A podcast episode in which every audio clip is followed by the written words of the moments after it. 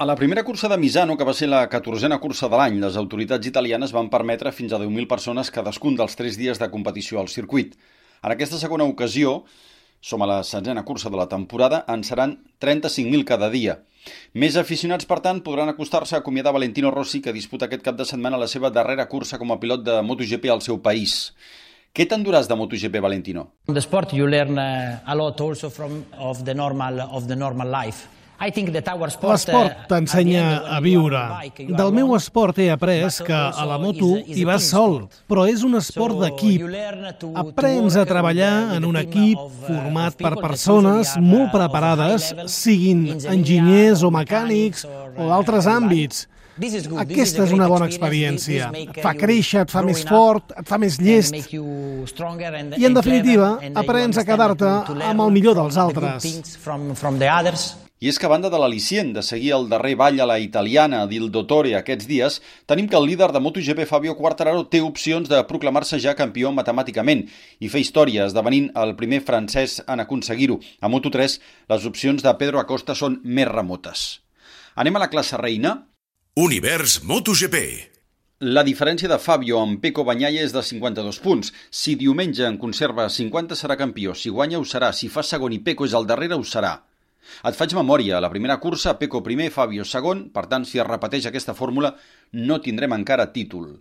Què fa Michelin? Perquè és el mateix circuit que el mes passat, però les temperatures poden ser més baixes i a pluja. Doncs el fabricant dels pneumàtics decideix que la mateixa tria de fa un mes és possible.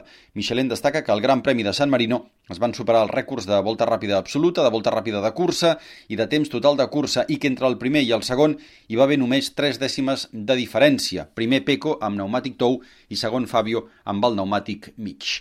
I Marc Márquez què?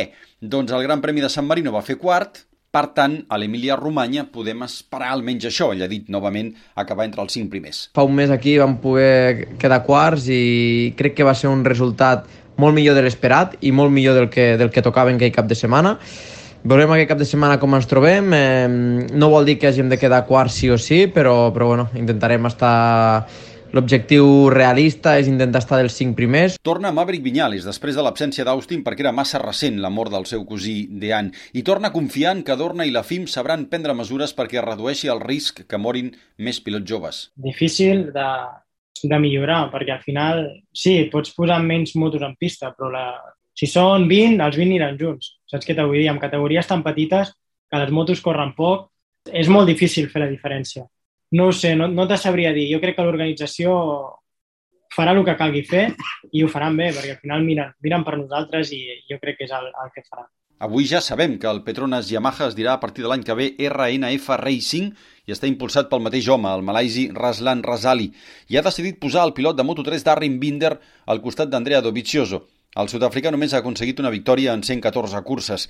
Està fent el seu millor any de Moto3, sí, però és sisè té 24 anys i, per exemple, és més gran que Jorge Martín, que Dijan Antonio, que Bezzecchi, que Gardner, que Quartararo o que Raúl Fernández, amb els quals coincidirà l'any que ve a la categoria. Pots pensar que no té nivell per pujar, el salt és gran. Feels unreal today. Honestly, I feel like I'm in a... El dia d'avui és irreal. Sento que estic en un altre món. És un somni d'infantesa, una oportunitat d'anar a MotoGP que no la tindrà tothom, i mai no hauria imaginat que faria el salt des de Moto3. Estic molt emocionat. El desafiament és gran i m'espera un procés d'aprenentatge dur.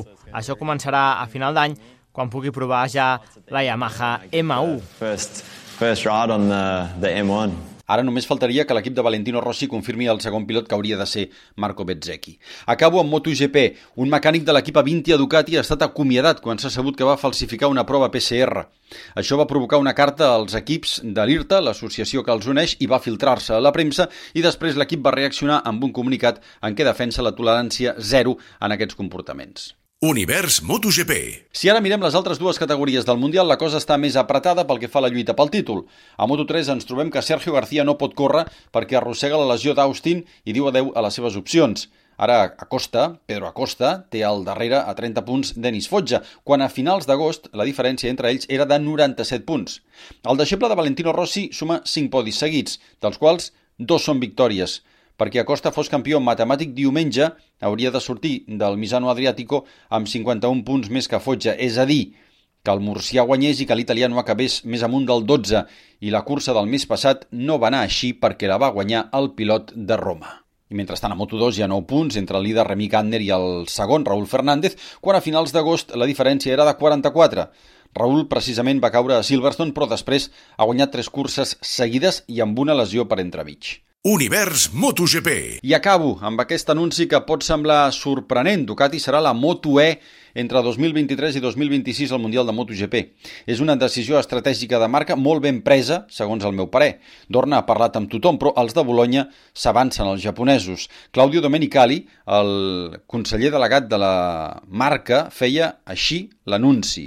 Uh, because actually we announced today the entrance of Ducati into the electrical mobility. Uh, we announced today that uh, we have reached an agreement uh, with Dorna in order to be the single supplier for the Moto E Championship uh, from 2023 to 2026. Uh.